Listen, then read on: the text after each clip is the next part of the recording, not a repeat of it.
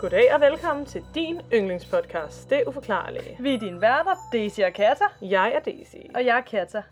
Halli halløj, og lige goddag. Halløj til dig, Daisy. Og jer alle sammen. Hold da op en uge, der har været. Ja, det må man sige.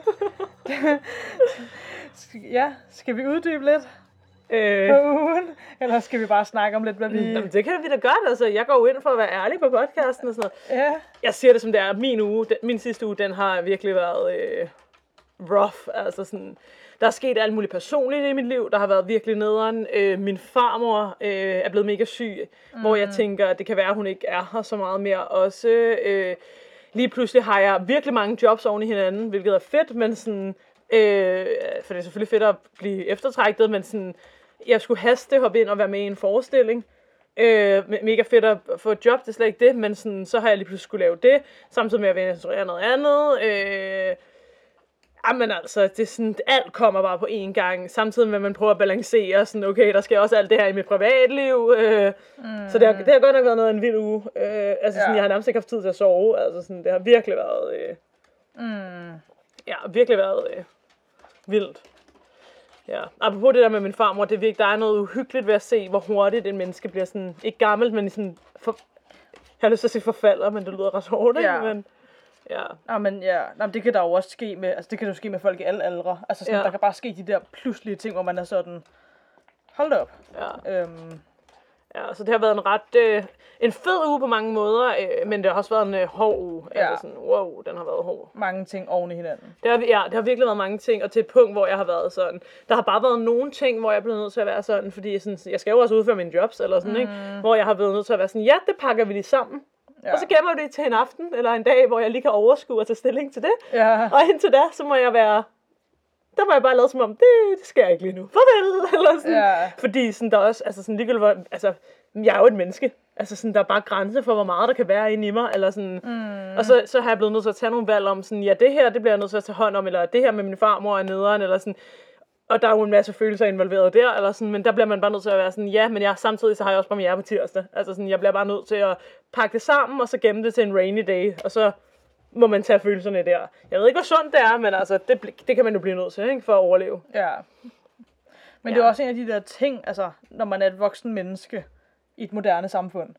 Da, man kan jo ikke Det- bare sige, når jeg, jeg er lidt ked af det i dag, jeg bliver hjemme. Jamen, det er det. Det kan man bare sådan, man ikke, har altså. ligesom alle sine, ja, man har sin job, sit ansvar, sit liv, man har ligesom det hele, ikke? Ja, ja, ja. Øhm, og det er bare sindssygt hårdt nogle gange at balancere de der ting. Det er det sindssygt, ja. Men det er altså... Men jeg er jo selvfølgelig vildt taknemmelig for de jobmuligheder, jeg har. Ja, ja, så, ja Det selvfølgelig. er slet ikke det, men det er bare, det har været virkelig meget oven i hinanden, ikke? Ja. Øh, det har det sgu.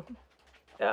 Det er også det der, der er skægt, at øh, man siger jo, at mennesker kun kan kapere en vis mængde af sådan store ting, der sker i sit liv. Det kan jeg skrive under på lige nu i Nå, hvert fald. nå, men, wow. ja, jamen, det det. Når man også man kigger på for eksempel et år, altså jeg kan ikke huske sådan, de præcise tal, hvad Nej, jeg vil nej, sige, nej. men sådan, der er kun en vis mængde af sådan store forandringer eller store ting, der sker, man ligesom kan kapere på for eksempel et år. Og det er egentlig lige meget, om det sådan er ulykkelige og i går en dårlige ting, eller om det er mega positive ting, Ja. eller hvad det er. Bare det der med, at der sker nogle store ting. Ja. Ja.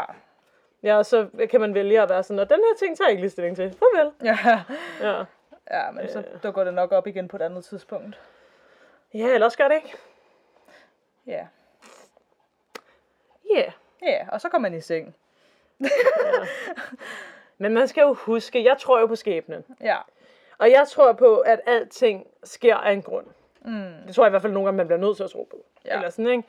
Så sådan det hele, altså sådan den længere øh, rejse, var jeg ved at sige, det skal nok give mening i sidste ende, også selvom man lige nu synes, at gud, hvor har jeg travlt, eller gud, hvor er det her nederen, eller mm. altså sådan, eller også hvis man er inde i en periode, hvor man ikke føler, der sker noget rigtigt. Ja, ja. Så er det jo nok fordi, at du, jeg skulle til at sige, varmer op til. Til det big deal. Ja, præcis. Ja. Men det er også det, der sker nogle gange, når man tænker tilbage i sit liv, og man så netop tænker på øjeblikke, hvor der bare skete noget virkelig nederen, og man bare Ja. ja. var sådan, jeg hader mit liv. Altså, men så kan man jo godt se, når man kigger tilbage på det, okay, men faktisk, at jeg for eksempel fik et afslag til det her virkelig fede job, eller hvad det nu var, Ja, ja. det gjorde jo faktisk, at jeg fik en anden mulighed et halvt år senere. Ja, som man kunne sige ja til. Ja, præcis. Øh, ja. Ja, ja, eller ja. Og det tror jeg, altså sådan, det tror jeg gælder med alt. Altså, mm, øh, ja. jeg har hørt faktisk en, jeg hører en anden podcast, som jeg godt vil reklamere for, der hedder My Favorite Murder. Ja. Øh, hvor der også er to kvindelige værter, øh, hvad hedder det, og de snakker jo også rigtig meget om deres privatliv og deres øh, følelser og deres, øh, mentale helbred og sådan noget der, ikke? Mm. Og der, øh, hvad hedder det, der, jeg kan ikke huske, hvorfor de snakkede om det. Øh, de snakkede om en form for sådan heartbreak, eller sådan det at være ung i 20'erne, og få knust sit hjerte og sådan noget. Og jeg kan huske, at jeg sad og tænkte, hvad har det her med mor at gøre? Men altså, du ved, vi kommer også nogle gange ud af nogle tangenter, som vi kan høre lige nu. Ja. ikke? Eller sådan, hvor den ene så sagde sådan, at sådan, at i virkeligheden så skulle man, og det, nu er det ikke fordi, jeg kun snakker om heartbreaks, jeg snakker over om sådan, altså generelt dårlige ting i livet, ikke? Mm. Sådan det der med, at, man skulle, at hun var sådan tit, når hun så tilbage på sit liv, at sådan, så er hun ret taknemmelig for de gange, det gik galt. Ja. Fordi det, så lærte hun noget til næste gang, og nu havde hun så fundet, hun er gift med en dude, ikke? Men, sådan, og hun, så, men så overfører jeg det nu til sådan, hvor hun, jamen, det hendes pointe var, men hun ville jo ikke have lært det, der kunne gøre, at hun havde fundet sammen med ham her. Mm. Hvis ikke hun havde datet en, der havde udnyttet hende, og hvis ikke hun Ja. havde datet et røvhul, og hvis ikke, altså sådan, forstår du, hvad jeg mener? Mm. Eller hvis hun ikke hun havde fået sit hjerte knust af en eller anden dudeludelut, så ville hun aldrig have fundet ud af, nå okay, men fyre, der er sådan her, sådan her, sådan her, de knuser dit hjerte, så derfor går jeg efter øh, den her type fyr. Ja. Ja. Det jeg så prøver at sige med det, er, at jeg overfører det ligesom til livet generelt. Mm. Altså sådan, det er jo lidt sådan, den, det er jo rigtigt nok, at hver gang du føler, at du har en form for modgang, eller din farmor er ved at dø, eller din, altså sådan, det er jo rigtigt nok, man bliver stærkere, og man Ja. lærer af det. Ja, What det er doesn't kill det. you makes you stronger, ikke? Altså sådan, og det er Ja. jo rigtigt. Mm. What doesn't kill you makes you stronger. Nå. Live, love, laugh. Ja, ikke fordi, altså sådan, ja, der er også sket meget godt for mig i den her uge. Det er ikke kun min farmor og miserable alt sammen. Nej, nej. Altså det er ikke fordi, jeg også, men sådan, jeg tror bare, at det der har været, er, det har været rigtig mange fede ting i den her uge, og så har været virkelig mange nederen ting oven i hinanden, Ja. der har gjort, at jeg bare har sådan, der har, jeg har også været på gang sammen med min mor, hvor hun har spurgt og taget stilling, og sådan et eller andet, hvor jeg er blevet nødt til at sige, mor, jeg kan ikke have mere ind i mig. Mm, Jeg kan ikke tage stilling. Altså Nej. sådan, og det tror jeg faktisk er noget, man kan tage med sig også.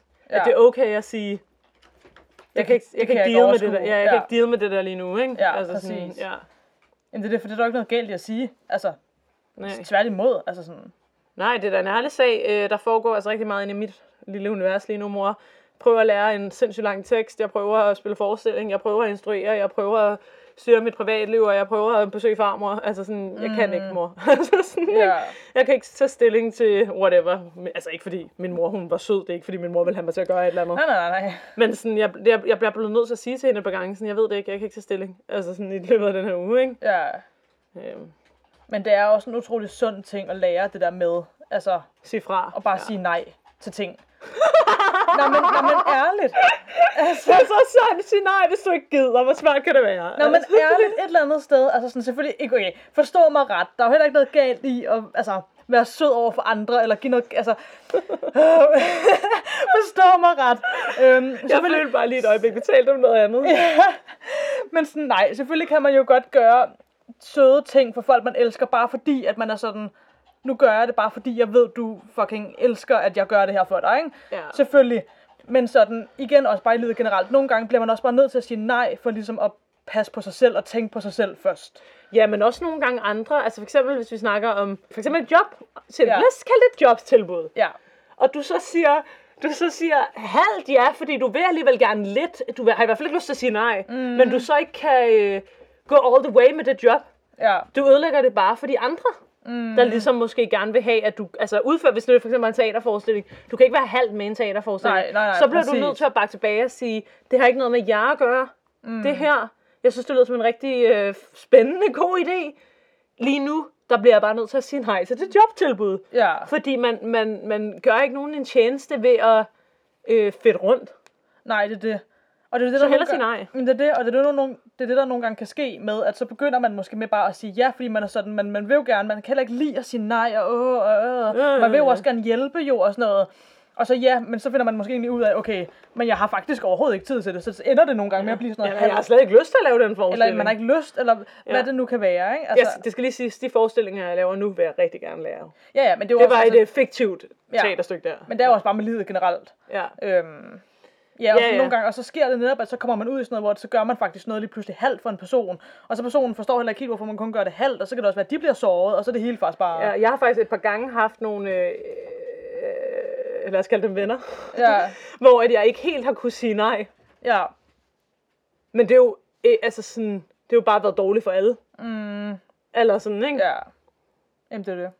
Nok om det. Skal Ja. vi gå i gang? Nu fik vi lige snakket rigtig meget om min privatliv, men hey, er det ikke også lidt derfor, jeg... Ja, for Jeg vil søren. gerne lidt høre om vores privatliv. Ja, for Har du noget at søren. fortælle, Katja? Hmm.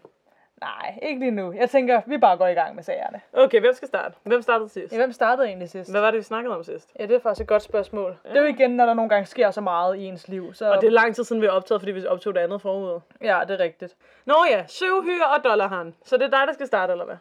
Ja, det må det jo så være. Jamen, så go du. Yes, jeg vil starte.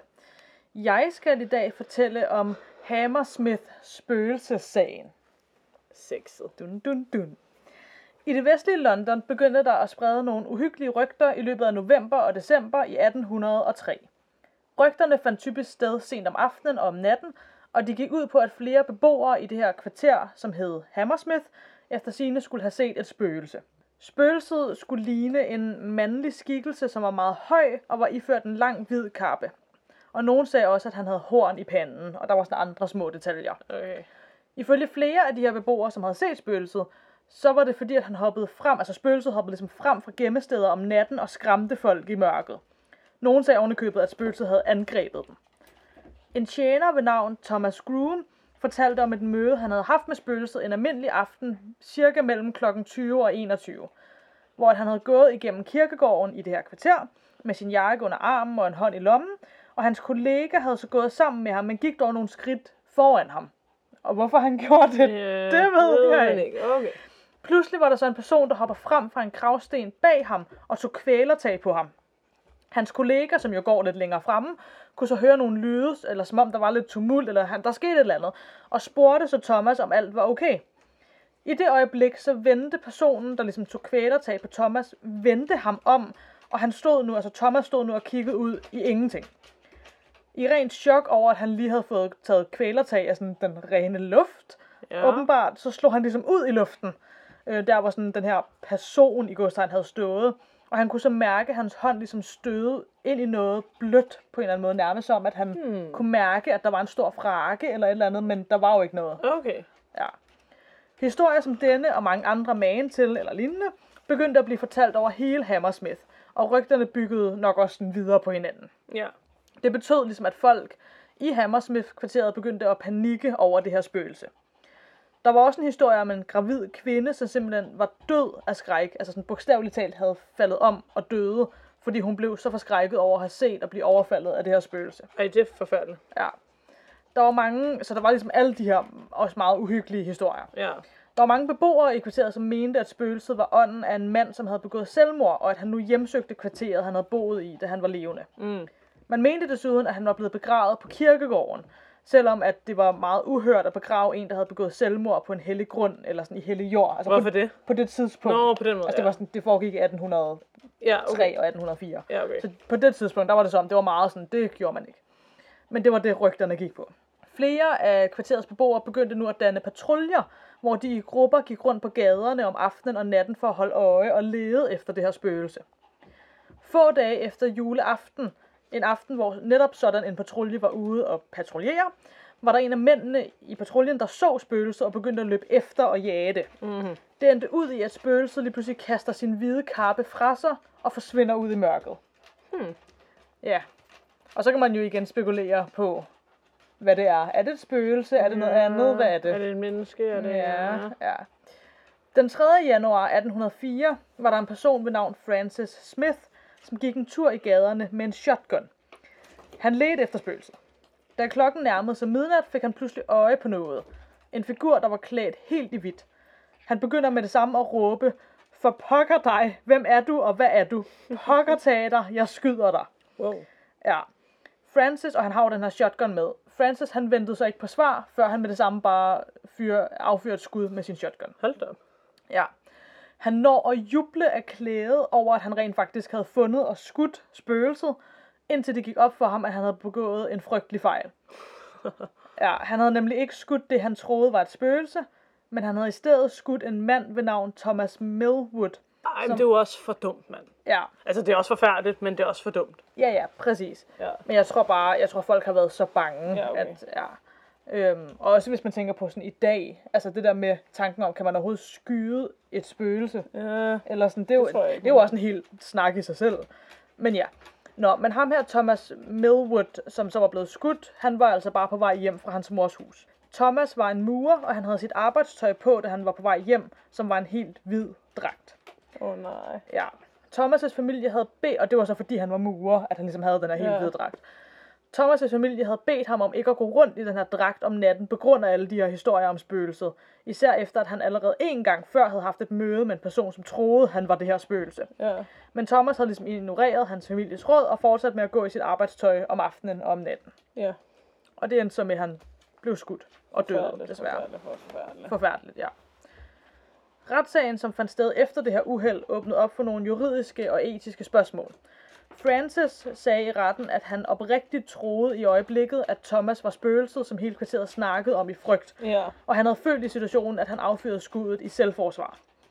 Men han var ikke blevet angrebet, han havde blot set, hvad han troede var spøgelset, og så som i virkeligheden var den her mand klædt i hvidt.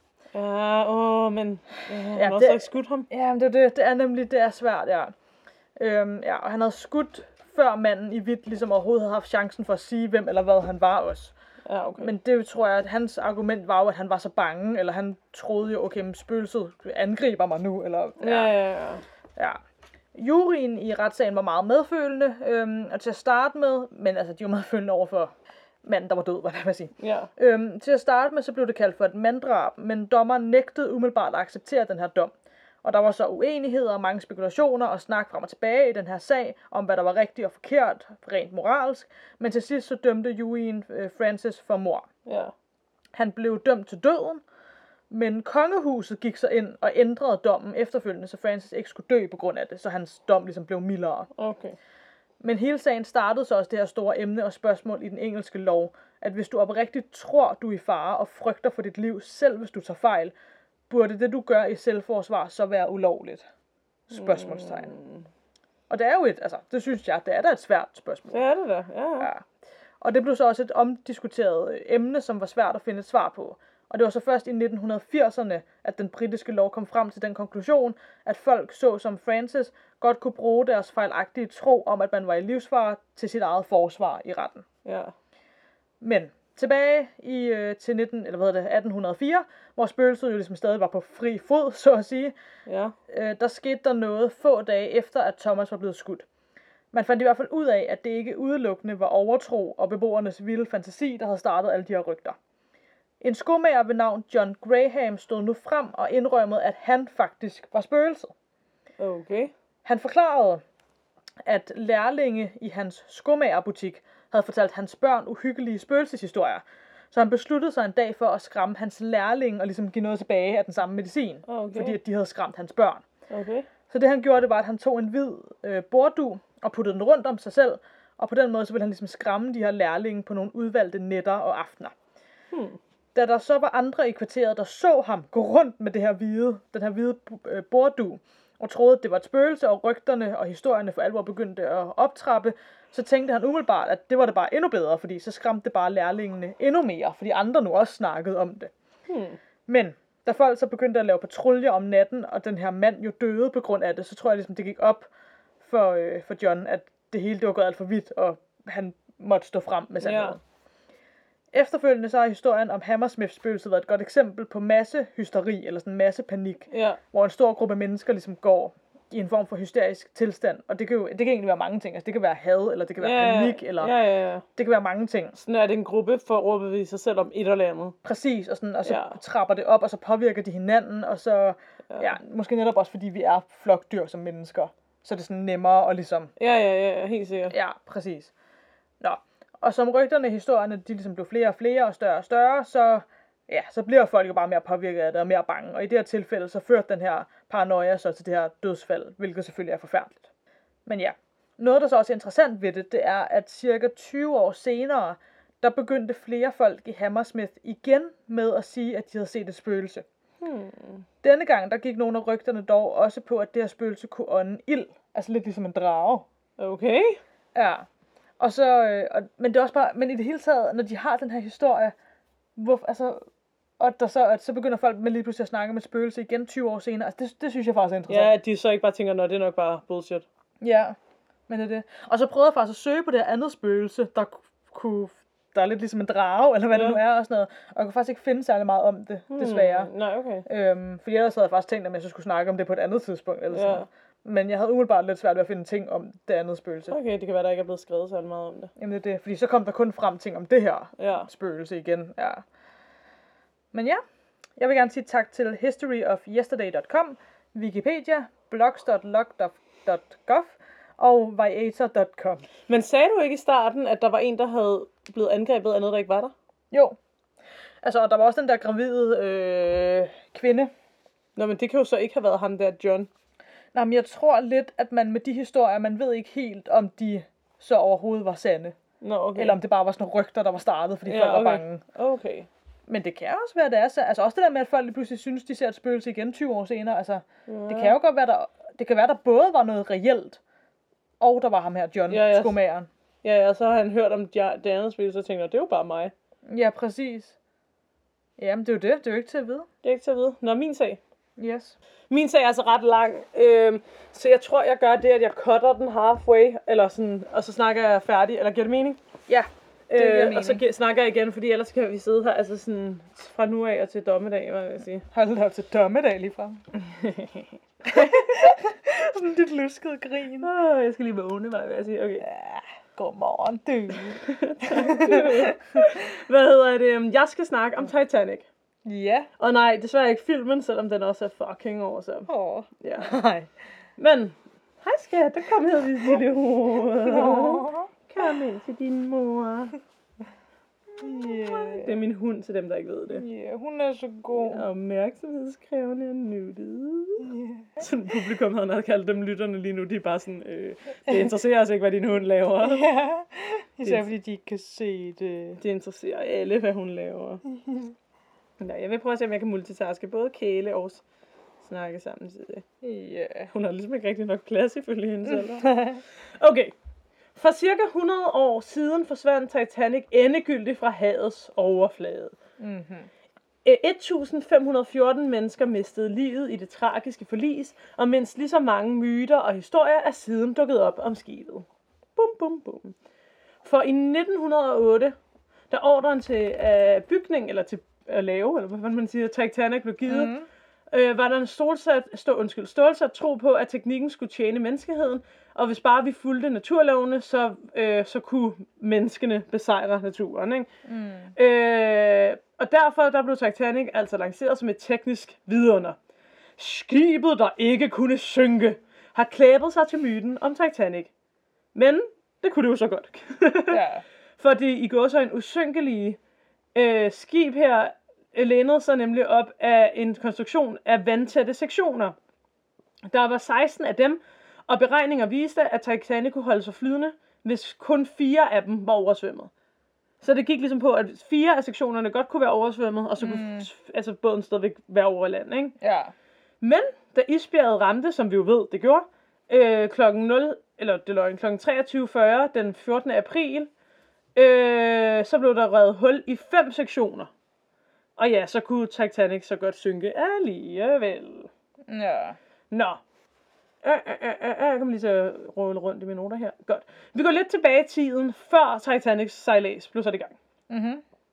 RMS Titanic var rederiet White Star Line stolthed og det andet skib i Olympic-klassen. Det var en af tidens største dampdrevne skibe. Og det der RMS, det står for et eller andet Royal Ma- Mail Service, så Titanic var faktisk også et postskib. Okay. Det er bare, det er bare en detalje, ikke? Ja. I slutningen af marts 1912 var arbejdet på Titanic færdigt, færdigt og øh, skulle på prøve, og det, undskyld, og skibet skulle på prøvesejlads, og det er jeg mm. sige, ikke? Den var planlagt til den 1. april 1912 kl. 10, men på grund af dårligt vejr, så blev det udskudt til dagen efter, så altså Okay. den 2. april, ikke? Ja. Øh, årsagen var, at det var alt for risikabelt at manøvrere det enorme skib ned gennem Laganfloden, øh, hvor det værft ligesom lå, som skibet er blevet bygget på. Ikke? Mm. Nå, tirsdag den 2. når vejret var dårligt, så var det svært at styre det. I forstår. Ja. Tirsdag den 2. april var vejret godt nok til at sejle Titanic ud af floden, og mange samledes på floden Brændede øh, for ligesom at se skibet. Ikke? Ombord var 78 øh, folk, der ligesom arbejdede i, ved øh, motorerne, eller hvad man siger, ikke? og 41 andre øh, besætningsmedlemmer. Den 2. april 1912 kl. 06.00 ankom de slæbebåde, som skulle slæbe Titanic ud på åben vand, hvor prøvesejladsen skulle foregå. Der var fem slæbebåde. Efter at alle slæbebrødrene havde monteret slæbetårne og indtaget deres positioner, lød startsignalet fra en af hovedslæbebådene, og øh, slæbebådene begyndte så at stille og roligt at stramme tårne og begyndte at buksere Titanic ned ad floden, hvor mange øh, mennesker ligesom var forsamlet for at se det. Ikke? Mm. Da Titanic var cirka 2 mil eller 3,2 km øh, ud for øh, Carrickfergus, som er en kyst, hvad jeg vil sige, eller en, en by eller et eller andet. Det er, det er en stor by i Nordirland. Okay. Øh, lystede slæbebådene grebet, slap tårne og sejlede så på sikker afstand af Titanic. Ikke? Mm.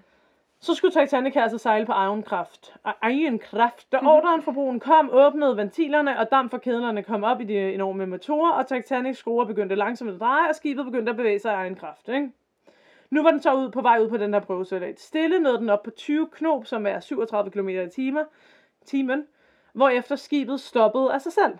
Nå, de lavede så alle mulige tests, der ligesom gjorde om at se for, om skibet ligesom kunne klare mosten. Ja, de lavede alle mulige tests, skibet vendte om igen, og de lavede alle mulige tests igen. Og det skal så lige siges, at øh, uh, Titanics sikkerhedssystemer aldrig blev testet. Da det ansøgt som overflødigt, da, uh, da uh, et skib, der var man til, som hed Olympic, var blevet testet, og der var det altså i orden, ikke? Åh, ja. Og Titanics test, altså skibs, om den kunne dreje, om den kunne alle de her ting, tog en halv dag, hvor Olympic, som var blevet bygget før Titanic, var blevet testet i to dage. Mm. Så altså testningen på Titanic var meget mindre end testningen af Olympic. ikke? Nå, men altså fra Southampton skulle Titanic ligesom starte det, der kaldes Jomfru-rejsen, ikke? Og klokken 20 så forlod Titanic, øh, hvad hedder det, værftsbyen, og satte kurs mod Southampton. Ved ankomsten, øh, der blev øh, by, skibet her, som mødte fem slæbebåde, og sammen så bragte de så Titanic sikker til kajplads nummer 44, hvor Jomfru-rejsen vil begynde den 10. april 1912. Og Jomfru-rejsen er den rejse, vi alle sammen kender, ikke? Mm. Titanic blev aldrig vist frem for offentligheden i hendes egen hjemby, som var Liverpool, men i Southampton i stedet, ikke? Da hun var stort set identisk med Olympic, så anså man altså ikke, at folk ville være interesseret i at se, øh, hvad hedder det, Titanic. Og det, det er ikke fordi, det i sig selv er så interessant, men i forhold til nogle af de teorier, jeg vil fortælle senere, er det interessant, hun aldrig blev vist frem. Det er Ja. mere derfor, jeg fortæller det, okay? Okay, okay, vi holder det en mente. Ja. Inden mødet med isbjerget har Titanic været, havde Titanic altså været øh, hvad hedder det, ramt af adskillige uheld. Nogle passagerer tolkede, altså da de ligesom var kommet ud på rejsen, mm. øh, at der var nogle dårlige var- varsler. For eksempel så var der en mor på 3. klasse, som øh, hun ikke ville sove om natten, fordi hun var overbevist om, at der var en katastrofe, der var under opsejling. Okay. Allerede på afrejsedagen den 10. april i 1912 var der tale om to større uheld. Det ene skyldtes en brand i motorerne. Øh, det tog nogle timer at få slukket, men jeg har læst et andet sted, at de faktisk ikke fik den slukket, og der bare var brand i motorerne i flere dage.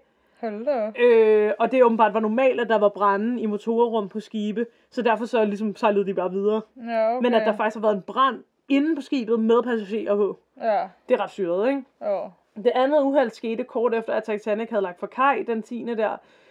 Øh, hvad hedder det? Suget fra de tre enorme skibsskruer havde ødelagt et nærliggende fartøjs fortøjninger, og fik fartøjet øh, bagenden til ligesom at svinge ud.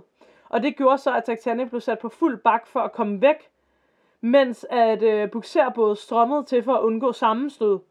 Med kun øh, få meter fra en katastrofe lykkedes det så de her bukserbåde at få trukket det mindre fartøj væk fra Titanic. Og det gjorde så, at Titanic blev en time forsinket, før det nåede dens første stop i Nordfrankrig. Det er bare interessant, at der allerede er sket. Altså også det der med, at den kommer til at køre ind i noget af det. Sådan, er der noget med roret? Altså kan det ikke styres helt ordentligt? Ja. Uh, ja. Nå, whatever. Her kom der så en, nogle passagerer på. Ikke? Kort før middag den 11. april nåede Titanic sit andet og sidste stop i Irland, før den ligesom skulle videre mod New York. Ikke? Mm. Her var der nogle heldige passagerer, der gik i land, øh, og så var der nogle håbefulde emigranter, der gik om spor på 3. klasse. Ikke? Der var en enkelt besætningsmedlem, som forlod skibet, da han kun havde taget ansættelse på Titanic, fordi han gerne ville til Irland. Ikke? Ja. Omkring kl. 13.30 så lettede, eller hvad man siger, sejlede Titanic væk, og dampede ud i Atlanterhavet med ca. 2.230 passagerer og besætningsmedlemmer. De næste dage forløb sejladsen planmæssigt, og Titanic skød i god fart. Der har været utallige diskussioner efter forliset, om der var forsøg på at, at, ligesom at sætte en hvad hedder det, hastighedsrekord gennem Atlanten. Det hurtigste skib, der havde gjort det, hed noget, jeg ikke kan udtale, som er Mauretania. øh, men Titanic kunne altså umuligt slå deres rekord, da dens topfarm var på 23 knop eller 39 km i time. og rægeriet White Star satsede altså mere på luksus og komfort end på hastighed. Men der går ligesom nogle teorier på, at, at kaptajnen eller sådan noget gerne ville prøve at se, hvor hurtigt du kunne gøre det, ikke? Ja. Hvilket måske kan have gjort, at de var mindre, hvad kalder man det, opmærksomme. Ja. Ja. De havde fokus et andet sted. Ja, præcis, ikke? Fredag den 12. april modtog Titanic det første advarsel om is forude. Flere af de her for, øh, hvad hedder ikke forud, hvad hedder det, advarsler, mm-hmm. fulgte i løbet af dagen og lørdagen. Kaptajn Smith ændrede kursen en smule, sådan så de ville komme en smule mere sydpå i forventning om at kunne undgå de her isfelter, ikke? Ja. Søndag aften så modtog øh, radiotelegraferne eller grafisterne Jack Phillip og Harold Bridge alvorlige ismeldinger, men nogle af dem nåede aldrig kaptajn Smith selv. Okay. Og der kan man også undre sig over, hvorfor gjorde de ikke det? Altså, Ja. hvorfor måtte han ikke vide det, ikke? Ja. Den sidste advarsel blev modtaget kort før kl. 23, cirka tre kvarter før sammenstødet med det isbjerg, vi alle sammen kender, ikke? Det, de sidste afgørende øh, hvad hedder det, meldinger om is advarede om store isfelter og isbjerge lige i Titanics rute. Øhm, men de blev ikke leveret direkte til broen, altså, eller kaptajnen, ikke? Så ja, altså beskederne blev modtaget af Titanic, men på grund af den manglende prioritering om vigtige beskeder, så er de her altså aldrig kommet til nogen, der rent faktisk skulle gøre, at skibet satte fart, eller holdt stille for natten, eller whatever, ikke? Og man ved ikke hvorfor, at de ikke... Nej, det er bare gået tabt. Der er nogen, jeg, jeg tror, jeg taler om nogle teorier på noget af det i hvert fald. Ja. Men der er bare nogle, sådan, der er bare nogle ting, hvor man er sådan, om det, Ja, for det, åh, det er mystisk. det er nemlig mystisk, ja, ikke? Jeg kunne altså, jeg, det skal lige siges, jeg har læst så mange artikler om Titanic. Det, jeg lige har fortalt nu, er minimalt i forhold om selve rejsen. Mm. Men nu er vores podcast jo ikke en podcast om Ti- Titanic, så i virkeligheden så er selve rejsen til isbjerget måske ikke... Det kan jo, altså man kan sige, hvis det her der er noget, der er gået galt, så er det måske... Men du forstår, hvad jeg mener. Jeg kunne fortælle Ja. meget mere om det, men nu vil jeg ligesom lidt mere dykke ned i måske nogle af de lidt mere sådan uforklarlige eller spændende, eller hvad man vil kalde det. Jeg synes, selve historien om Titanic er ret spændende i sig selv, men Mm. du forstår, hvad jeg mener. Nu dykker Ja. jeg ned i det, ikke? Fordi, var det planlagt, at Titanic skulle synkes? Og er Titanic skibet overhovedet på bunden af havet? Eller er det hele bare et stort scam? Okay. Okay, Okay. okay. Okay. Den myte, jeg vil fortælle nu, jeg ser lige, hvad klokken, eller hvor meget jeg har snakket, om jeg snart skal cutte. Ej, jeg kan godt snakke lidt længere. Ja, ja. Den teori, oh, Nå ja, oh, så du kommer måske faktisk til at lade os hænge på sådan en cliffhanger. måske. Uh. Det, ja, det, ja, det må vi lige se, hvor langt jeg når nu. Okay. Denne myte knytter sig direkte til det øjeblik, hvor isbjerget blev observeret af Frederick Fleet fra hans udskingspost i den forreste mast. I ved jo godt, i, i hvert fald, jeg ved ikke, hvordan det er nu, men i, før i tiden var det jo sådan folk, der sad i de der maste og kiggede efter isbjerge, ikke? Mm. Det har man også i, i Titanic-filmen, at ser man jo også der, hvor Jack og Rose, de sådan flirter ned på jorden, de står sådan, "Ah!" og så er de Ja, ja. faktisk skyld i, at de Ja, ramte- præcis. Ja. De står, ja, det er ikke engang løgn. Ja, de Ja. står de der to og Ja. ja. se lige dem der. Ja, de kan nok godt holde varme. og så hårdt i isbjerg.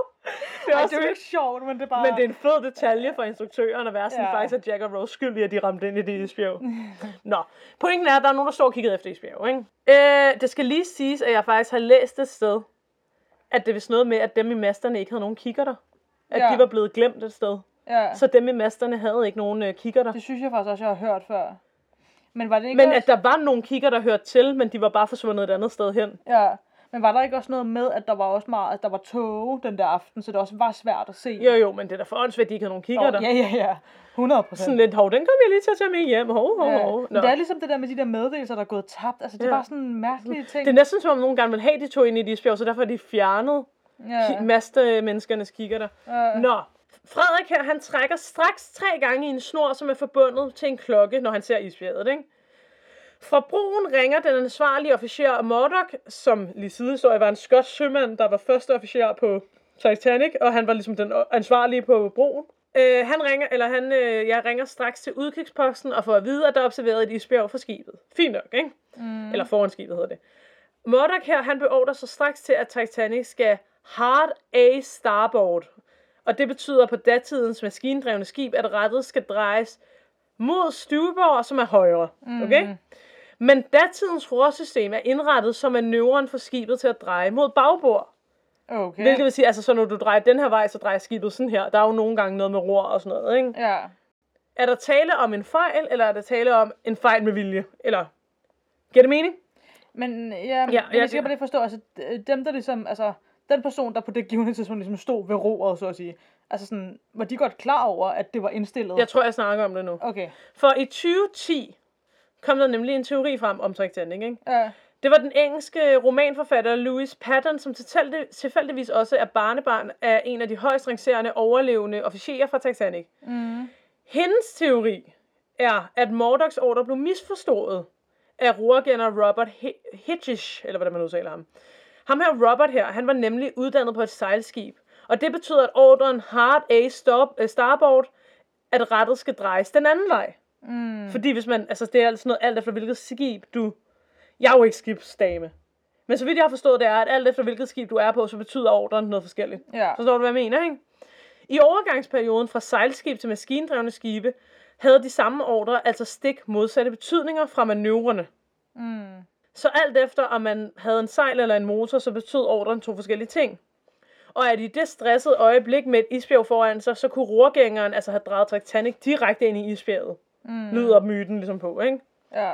Øh, historien her om Titanics forfa- fatale øjeblik fortæller også, at Murdoch straks beordrede fuld bak på propellerne, altså dem der er nede i vandet, ikke? I det øjeblik øh, rammer isbjerget, altså storbørs side, storbørs side, styr, oh my god, storbørs styr, du ved, hvad jeg mener. Styrbord. Ja, side af Titanic, og så slår den altså hul på, øh, på, på siden, havde, og de der fem vandsætte sektioner, jeg har snakket om tidligere, under vandlinjen, ikke? Ja. Øh, og nu går så en kompliceret procedure i gang, for det er ikke lige sådan at dreje 269 meter lang dampdrevet ski, altså væk fra isbjerget, ikke? Så her optræder altså endnu en myte, at hvis Titanics ror havde været større, end de var, så kunne skibet måske have styret uden om isbjerget, inden det ramte. Men der er så også nogen, der mener, at det ikke ville have hjulpet. Ja, Men den okay. teori går altså ligesom ud på, at hvis man havde testet skibet ordentligt, Mm. så ville man have fundet ud af, at propellerne skulle have været større, ikke? Ja. Ud fra forskellige designstandarder for ror i begyndelsen af 1900-tallet, kan man beregne den optimale størrelse for ror til et skib i Titanic størrelseorden. Ikke? Og det skriver en dude, som har øh, hvad hedder det, snakket om alt det her. Og han har så kommet frem til, at måden man gjorde det på, var at udregne øh, det her ved at tage overfladsarealet af skibet fra vandlinjen til køl i forhold til rorets areal. Og det forhold så skal være så omkring noget, der hedder 0,015 for skibe, der sejler med last. Titanic havde et areal fra vandlinje til køl på 2.682 kvadratmeter. Rorets areal øh, var 37,25 kvadratmeter, hvilket giver et forhold på 0,014. Jeg er ikke matematiker, men altså, det betyder, at ordet var lige i underkanten. Ja. Jeg ved godt, at man måske ikke kunne følge med i de tal, men det var ikke heller ikke mig, der udregnede det, så det er lige meget. Pointen er, at ro- roret måske var en smule underdimensioneret i forhold til, hvad det burde være. Så nu er der mm. både det med propellerne, men også med roret, og der er ligesom flere ting, ikke? Ja. Så der stilles altså spørgsmålstegn ved den sidste manøvre, som ham her Mordok beordrede, som var of, øh, hvad hedder det, første styr, øh, officeren her, ikke? Mm-hmm. For når propellerne skal køre i bak, må de på et tidspunkt stå helt stille, og dermed så mister roret styrekraften. Så ifølge en høring efter forliget, var det efterfølgende Mordocks plan at beordre skibet hårdt mod højre for at udnytte kraften fra propellerne, som løb den anden vej. Men nogle af de overlevende officerer satte spørgsmålstegn ved, om ordren overhovedet blev givet Ja. og sådan noget. Så det handler om, okay, var det, var det en god idé at stoppe propellerne?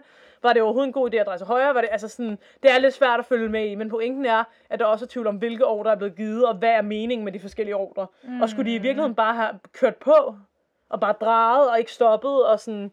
Altså, fordi hvis propellerne skal stå stille i kort øjeblik, så kan de jo heller ikke dreje. Nå. Hvor hvis de bare var blevet ved med at køre, og de havde drejet samtidig, så havde der kraften måske fået dem ud af isbjerget. Giver det mening? Ja, det gør det. Ja, ja. Ja. Altså, jeg er selv lidt forvirret med alle de der matematiske termer, så det kan godt være, at jeg har sagt noget lidt vrøvl, men jeg håber, I forstår, hvad det er, jeg prøver at fortælle. Ja, jamen, jeg, jeg, synes, det giver, jeg synes, det giver mening. Ja. Nå, nu går vi ned til en ny teori, som er lidt kort. Mm-hmm. Den går ud på, at en fyr ved navn J.P. Morgans planlagde det her skibsfrag for at dræbe sine rivaler. Hold da op, okay. Den utrolige rige bankmand J.P. Morgan skulle åbenbart via Titanic have planlagt at dræbe sine rivaler, Jacob Astor, Isidor Strauss og Benjamin Guggenheim, som alle var mega døde. Eller mega døde, de var alle sammen mega rige, og de døde alle sammen ombord på Titanic. Ja. Og de er alle sammen mega rige businessmen i, de, i den her tid. Og jeg kunne godt have sagt, hvad de alle sammen lavede og sådan noget, men jeg synes, det var sådan lidt. Pointen er, at det er nogle rige mænd, han laver business med, og de er lidt rivaler, og han havde inviteret dem med ombord på Titanic, og nu er de døde. Mm. Okay? Men var han selv på Titanic? Nu kommer det. Okay. JP her, han skulle have været ombord på Titanic, og så vidt jeg har forstået, ejede han vist noget af Titanic, tror jeg. Okay. Han var vist en af dem, der ligesom var... Med, altså, det var, han, Titanic var hans projekt. Ja. Men, det kan godt være, lyver, men jeg er ret sikker på, at han ligesom var, jeg vil lige sige, the boss, eller sådan, ikke? Ja. Men han ændrede mening om at tage med på sit eget skib, øh, fordi at øh, hans øh, dame skulle, eller hans dame, hans kone, skulle købe øh, gardiner i Europa, og han skulle assistere hende. Okay. Hun var ude at shoppe gardiner, og hun kunne ikke klare det selv. Så derfor så tog han ikke med på det her skib, han havde fået bygget over flere år, og som var det nye store hit. Men hans rivaler, han havde jo havde inviteret med her, de, øh, de, de tog med, og så døde de. Og den her teori, den, den har jeg ikke givet at sætte mig mere meget ind i, for der er alt muligt Illuminati og jødiske slægter og alt muligt bullshit. op, Hvis man synes, den her teori er sjov, så kan man dykke ind i det. Jeg var bare sådan, der er andre ting ved Titanic, der interesserer mig mere end ham. Ja, Jeg vil ja. bare lige nævne, at der er en, en vigtig, altså en mand, der har været inde over Titanic, som der går teorier på, om han måske har gjort det med vilje. Hold da op, okay. Så, jeg ser lige, hvor længe jeg har snakket. Ah, kan jeg godt tage en teori mere? Jo, gør det. Ja. Ja. Må jeg bare lige hurtigt komme med en Ja. ja. kommentar til det der. Ja. Ja. Altså, det er selvfølgelig, altså, hvis det rent faktisk er sandt, ikke? Ja. Altså, det er sygt i sig selv, at man tænker, jeg vil dræbe mine rivaler. Men, altså, det er sygt nok i sig selv. Men også bare det der med, hvis det, hvis det rent faktisk er det, han har gjort. Altså, det er også bare alle de uskyldige mennesker, der også bare er døde på grund af det. Ja. Altså, det er jo fuldstændig sygt. Men så er der jo også, altså, så er der også noget der, hvordan fanden skulle han have planlagt at synge Titanic? Jamen, det er det. Hvordan skulle han så egentlig have gjort det? Men der kommer mere. Ja. Den her teori, den går nemlig ud på, at det skib, som sank ned på bunden af havet, ja. i virkeligheden ikke var Titanic, Okay. men et andet skib. Ja, fordi du, du, du, du, du, du, du, du, den går ud på, at, at skibet ikke var Titanic, men søsterskibet Olympic. Kan du huske, at jeg snakkede om det tidligere? Ja. Fordi selskabet, det her White Star Line, eller hvad det hed, havde på kort tid lavet tre næsten identiske skibe. The Olympic, The Titanic og The Britannic. Okay? Mhm. Olympic var det første, som blev bygget, efterfulgt af Titanic, og så senere hen Britannic. Ikke? Skibene, de var meget, meget ens, og de lå samme sted, da de blev bygget, ikke? og har efter sine endda i perioder haft samme kaptajn tilknyttet, som var John, eller Edward John Smith, som jeg jo nævnte tidligere der. Ikke? Mm. Den 20. september 1911, altså før Titanic sang, ikke? så skete der en ulykke på Olympic, øh, øh, på dens femte sejlads. Altså, fem, altså ikke jomfrurejsen, men femte gang den ude at sejle. Ikke? Ja. Jeg ved ikke helt, hvad der skete, det kan man sikkert finde ud af et andet sted, men det endte altså med, at den fik et kæmpe hul i siden. Lidt eller hvad Titanic jo endte med. Okay. Så teorien her går så ud på, at White Star Line var finansielt udfordret ved, at et af deres skibe var gået i stykker, fordi så skulle de jo repareres, ikke? Øh, og på, hvor meget reparationen ville koste i forsikringer og sådan noget, fordi det var dårligt forsikret. Så de besluttede, altså ifølge den her teori, at fifle lidt med øhm, deres skibe. Hvilket altså vil sige, at de byggede Olympic om til at skulle ligne Titanic, som var det nye skib, som ikke engang var blevet prøvesejlet endnu, og at Titanic så blev forklædt som Olympic. Giver det mening? Ja, hold det helt Så, op. fordi Titanic var nemlig bedre forsikret. Skibet skulle altså ud på en rejse, og så skulle de få det til at ligne en ulykke, og så skulle det sank ned på bunden af havet, og så ville de få en penge tilbage i forsikring, og så ville de kun ligesom have et broken ship. Ja. Giver det mening? Ja. Øh, ja. Øh, øh, øh, øh. Og det ville jo så være forklædt som Titanic, så derfor så ville de jo ligesom, de ville få penge ud af det styreskib. Forstår du, hvad jeg mener, ikke? Mm, ja. Og det ville jo alligevel være et halvskadet skib, de sank. Så Ja. whatever-agtigt, ikke? Hold nu helt op. Ja. Øh, de øh, havde, øh, skulle så have regnet på, at de her regne, redningsbåde, som var på skibet, som jeg forstår det, øh, ville kunne have nogen passagerer på skibet, og at der så normalt, det, det, jeg synes, det var, det var lidt svært at forstå, men åbenbart normalt i det område, skulle der være sådan nogen, der var ude i vandet, for at redde folk, hvis der var skibsforlig, i samme vinteren, hvor der var isskibe. Men iro- ironisk nok, så var de her mennesker, der skulle gøre det, altså jeg ved ikke, om det er sådan en form for søpolis, eller hvad, Mhm. de havde altså lukket for natten, og de havde også lukket deres øh, kontor i Kalifornien, Ja, okay. som åbenbart modtog SOS-opkald. ja. Jeg kan ikke se, fordi så skulle teorien ligesom gå ud på, at White Star Line faktisk gerne ville have reddet folk, men at det så var en tragikomisk hændelse, der gjorde, at det, dem, der de troede kunne redde dem, holdt fri. Forstår du, hvad jeg mener? Ja. Det var selvfølgelig også tragisk generelt, fordi hvis de havde været på arbejde den nat, havde de kunne redde nogen. Mm. Om det var meningen, at de skulle synke eller ej, ikke? Der er dog nogle huller i teorien, øh, fordi selvom at skibene de lignede hinanden, var de ikke helt identiske. Øh, hvad hedder det? Åbenbart var Titanics forsikring kun på øh, 500, nej, det er løgn, 5 millioner cirka dollars, mens konstruktionen af Titanic og Olympic går jeg ud fra, var omkring 7 millioner. Så ligegyldigt hvad, ville de jo miste penge, for de havde stadig brugt 7 millioner på at bygge Olympic, også selvom de sank det. Forstår du, hvad jeg mener? Men det kan jo være, at de har ment, at det ikke kunne reddes alligevel. Nå. Og hvis der skulle laves ændringer for at få Olympic til at ligne Titanic, og omvendt få Titanic til at ligne Olympic, så vil det jo blive lavet med en masse, altså masse arbejder på skibet. Mm. Altså, der vil jo være alle dem, der arbejdede på værftet, for eksempel, og dem, der skulle sidde og krasse Titanic af og skrive Olympic og omvendt, fordi der er jo tit på både, så står det jo på nærmest hver enkelt del, hvilken skib de er. Der er også noget med, at et skibsnumre stod på, altså på hver enkelt plade nærmest. Og ja, det var noget med, at det ene skib hed 406, og det andet skib hed... Så det ville jo have stået på alle vragdelene, mm. hvis det var det forkerte serienummer, ikke? Så ja, ideen er klam, men den holder bare ikke helt tæt. Til gengæld har jeg læst et sted, at når man ser på vragdele af Titanic, så er det sådan noget med, at det faktisk at skibet nærmest ikke engang er blevet bygget ordentligt sammen og sådan noget. Der er masser af fishy ved det. Men man kan sige, selv hvis det ikke var fordi det var Olympic, så er der jo stadigvæk noget med, om skibet generelt er blevet sunket med vilje. Mm, ja. Altså om det er med vilje. Var, er det kaptajnen, der har gjort det med vilje? Der, der er også nogle teorier, der går på, at ham der JP der, han har betalt kaptajnen for at synge skibet, så hans rivaler der kunne dø mm. og sådan noget. Øhm, Hold det helt op. Ja. Skal vi lige tage en lille sjov en her? En det er lille... godt. Okay, vi tager lige en sjov. Fordi der er også en teori, der går på, at en mumie sang Titanic. En mumie? En mumie. Okay. Historien går på, at lige den her mumie, som jeg snakker om nu, var en uheldig mumie, og den blev døbt den uheldige mumie. ja. Historien går, at i 1800-tallet, så tog en gruppe engelske mænd den her mumie med hjem fra Ægypten. Eller måske kun mumiens æske. Måske er selve mumien stadigvæk i Ægypten. Det er sådan Okay. lidt, det skifter lidt i historierne.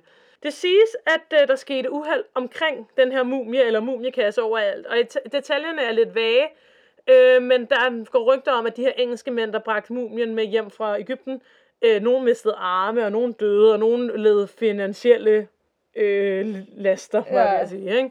Men man kan også sige, hvis de bruger penge på at købe en mumie og så med hjem, så ved jeg ikke, hvor kloge finansielle de er. Så ja, whatever. øh, efter en masse ulykker, hvor i, som jeg sagde, nogle mænd forsvandt og sådan noget, så blev mumien her doneret til det britiske museum. Der går rygter om, at de mænd, som flyttede mumien til museet, også led for fatale følger. Så blev mumien efter sine solgt til en amerikansk økolog, som efter sine ville have den transporteret til New York via, ja du gættede det, Titanic. Ja, ja, ja. Ja. Der er to versioner så om, hvad der skete. Den ene teori går på, at æsken, eller mumien selv, sank ned på bunden af havet og forsvandt. Ikke? Mm-hmm. Den anden teori går på, at nogle mænd overtalte nogen fra besætningen til at redde mumien og eller kassen op fra havet. Og den på den måde til sidst rent faktisk fandt vej til New York, for så at blive solgt til en helt anden person, der sendte den tilbage til Europa, hvor mumien så efter sine skulle have sunket et et til skib. Altså på vej tilbage til Europa, ikke? Dog siger det britiske museum, at mumien, som de mener, der bliver er talt om her, hele tiden har været på museet. Og i 1918, altså efter Titanic sand, så blev mumien så låst ud til Australien. Hmm. Øh, ja. Det er bare en meget sjov lille Ja. teori. Så tror jeg, jeg gemmer noget af, nogle af resten af historierne til næste gang. Jeg kan lige sige tak til, og så kan jeg sige tak til dem igen næste uge. Øh, ing.dk, Wikipedia, history.com, BuzzFeed Unsolved Network, Washington Times, The Brahio Podcast. Øh, jeg tror, det var det. Yes, yes, yes. Ja, du. Yderst interessant, altså det er jo... Der kommer mere. Det, der kommer mere, ja. Ja, Altså det er jo dybt øh, tragisk. tragisk, ja. Øhm, men ja, det er altså også interessant, de her... Altså især de der teorier med, om det er nogen, der har vel synke med vilje. ja. Især det der med, at der er så mange, der kigger, der, der er beskeder, der er ikke gået videre. Øhm, Men det er det, der er mange, der er mange mystiske ting der. Ja. Også det der, der går rygter om, jeg tror, det er sandt, men jeg kunne ikke lige finde en artikel med det. Det der med, at de bare låst af nede fra 3. klasse, sådan, fordi der ikke var nok redningsbåde. Ja. Det er for sindssygt. Ej, mand. det er altså også... Altså, jeg ved godt, at så vidt jeg ved, så har han prøvet at være meget hvad hedder det, realistisk i filmen, Titanic, ja. eller sådan prøvet Ja. meget at sådan tage de ting, man mener, der skete på den Ja. rigtige måde, ikke? Men selvfølgelig er det jo også det er jo en fiktion. film, eller altså, der er Ja. også sikkert ting, altså, Ja, ja. men sådan for eksempel fra filmen, altså nogle af de der scener, netop også, ja, hvor de også låser af ned på tredje, ej, det er seriøst, det er forfærdeligt. ja. Altså, ja. ja det, det, er ikke noget, jeg har taget med i min sag, men det skal lige siges, jeg ved ikke, om I kan huske, der er ham der manden, der skyder ud i mængden, Ja. for de ikke skal komme ned i bådene, mm. og så bagefter skyder han sig selv. ja. Fun fact er det, den familie, for han, han har et navn, der ligesom hørte en, tilhørte en rigtig Ja. besætningsmedlem. Fun fact er, familien de sagsøgte hvis Cameron der og sådan noget, fordi det jo, de mente, at de fremstillede, han fremstillede deres familie på en dårlig måde. Fordi det var jo bare en, altså fiktivt. Okay. Det var bare, det har ikke noget med sådan, det var forklaret at gøre, det var, synes jeg bare var en fun fact. Nå, men jeg er ikke sikker på, at jeg helt forstår det. Jo, var altså der er fordi- en karakter i Titanic, Ja. som sådan skyder ud i mængden, Ja. fordi at øh, ja. redningsbogen er ved at blive overfyldt, og så ser han ligesom, at fuck, hvad er det, jeg gør? Jeg er lige ved at altså, nægte folk at er chancen for at redde mm. deres eget liv, og så skyder han sig selv, ikke? Ja. Fordi han, når han skyder en mand, er det ikke noget med, at han dræber en mand? Nå, det, kan- jo, det kan faktisk godt være Ja. i filmen, fordi der er en, der prøver at skubbe ham væk, eller komme Ja. tæt på. Og Ja, så- så, ja, og så er efter det, så begår Så, han skyder, selvmord. så skyder han sig selv, ja. ja. Øh, hvad hedder det? Men det er ikke noget, der skete i virkeligheden. Eller det kan man jo ikke vide i hvert fald. Øh, så derfor ham, ham, som var med på skibet i virkelighedens familie, sagsøgte Titanics instruktør. Nå, fordi og man ikke kunne vide med sikkerhed, om det var det, der... Ja, så de mente, at han Ja. ja. fremstillede... Nu forstår jeg, nu forstår jeg. Hvor at de, de har jo bare set det som en god historie, eller ikke? Ja. Jeg har også læst et sted, og jeg ville ønske, jeg havde de facts med, men jeg har læst et sted, at selvfølgelig hed de ikke Jack og Rose og sådan noget, men at der faktisk var nogen med ombord, hvor så lige pludselig, så var der en kvinde, der havde skiftet den. Altså, så var der en kvinde, der var forsvundet, men der var en ny kvindenavn. Mm, Altså sådan noget der, hvor at sådan, og det er faktisk derfra, han har fået ideen. ja, det har jeg, ja, jeg har også læst Ja. det der før, at... At sådan, øh, fordi så er det som om, fordi så lige pludselig var der en kvinde, lidt ligesom hun skifter, Mm, hun skifter efternavn. jo. Altså det kunne han se, at der var at et navn, som ikke engang var på passagerlisten, mm, hun skiftede til, hvor det kan jo godt bare have været, at hun var sådan, nu kan jeg være en anden person, men så havde han synes, det var romantisk, ikke? ja. Ja, altså jeg siger dig, det der med Titanic, det er at hoppe ned i et nøgle. Altså der er så meget materiale. Mm. Jeg tror, jeg kunne fortælle om Titanic altså de næste 16 gange, hvis jeg Ja. ville. Altså, Ja. ja. Jeg synes også, det er mega interessant. Og der er nok også en grund til, at der er så meget mystik rundt om Titanic, for det var jo virkelig sådan en kæmpe katastrofe. Mm. Og også bare hele tanken om at være ude på havet og bare dø. Det, altså, det, det er forfærdeligt, ja. Men netop også fordi, at det bare blev brandet så meget som, at det var det usynkelige skib. Ja. Ja. Og så synker det på sin første tur. Jamen, det er også, altså det er jo ikke komisk, men Det er sådan, øh, hvad, ja, hvad hedder det? Ja, præcis. Ja. Ja. ja. Ja. forfærdeligt. Jeg tror, jeg snakker om det igen næste gang. Hvis jeg ikke kan finde på noget bedre. Ja, der kan vi også diskutere videre om det så, Ja. hvis det er. Fordi det er, øh, altså, ja, igen, Det er det er, forfærdeligt. men, men det er også, altså, der er mange ting at snakke om med Ja, det. der virkelig. Ja, Men hey, filmen er god. det er den. Det er den altså. Ja, det er en af de film, jeg, jeg tror lige meget, hvor mange gange jeg har set den, jeg kan ikke se den uden at græde. I, Nej, jeg, stadig. jeg tænker altid, ja, du har mig ikke, du har mig ikke. Ja, præcis. Og så lige der, hvor det åbner op til, man ser noget under vandet. Og øh, det er det der, hvor man ser, du ved, trappegangen. ja. Og det så forvandler sig til, at alle de der står der Ja. og klapper. Og han ligesom står og rækker arm ud og må hen. Ej, det er forfærdeligt. Ja. Der græder jeg hver gang. Ja. Og musikken kommer. Og, ej. Men det er fordi, jeg synes især den slutning der, altså det er ikke bare trist og alt tragisk og alt muligt, det er også bare det, fordi det er også det blandet med, at det også bare er smukt. Ja, Altså det er sådan, ej, det jeg... og storslået samtidig. Ja, ja, præcis. Det er sådan, ej, det er for meget. Ja. Altså det, ej, Men det er ja. også bare tanken om, det er så fucking rip, det der med, så de finder bare the true love, eller sådan, det, er, det her det er bare the shit, Mm, og så dør den ene. ja. Eller sådan, hvordan skal man leve videre efter det, og det er jo også altså, posttraumatisk stress og alt muligt. Ej, jeg kan slet heller ikke, altså, vi sidder, nu snakker vi bare om spoilers, men jeg føler, at filmen er så gammel efterhånden, at det er okay. Alle har set Titanic, og hvis du ikke har set Titanic, så er du en taber, altså. I får det direkte herfra.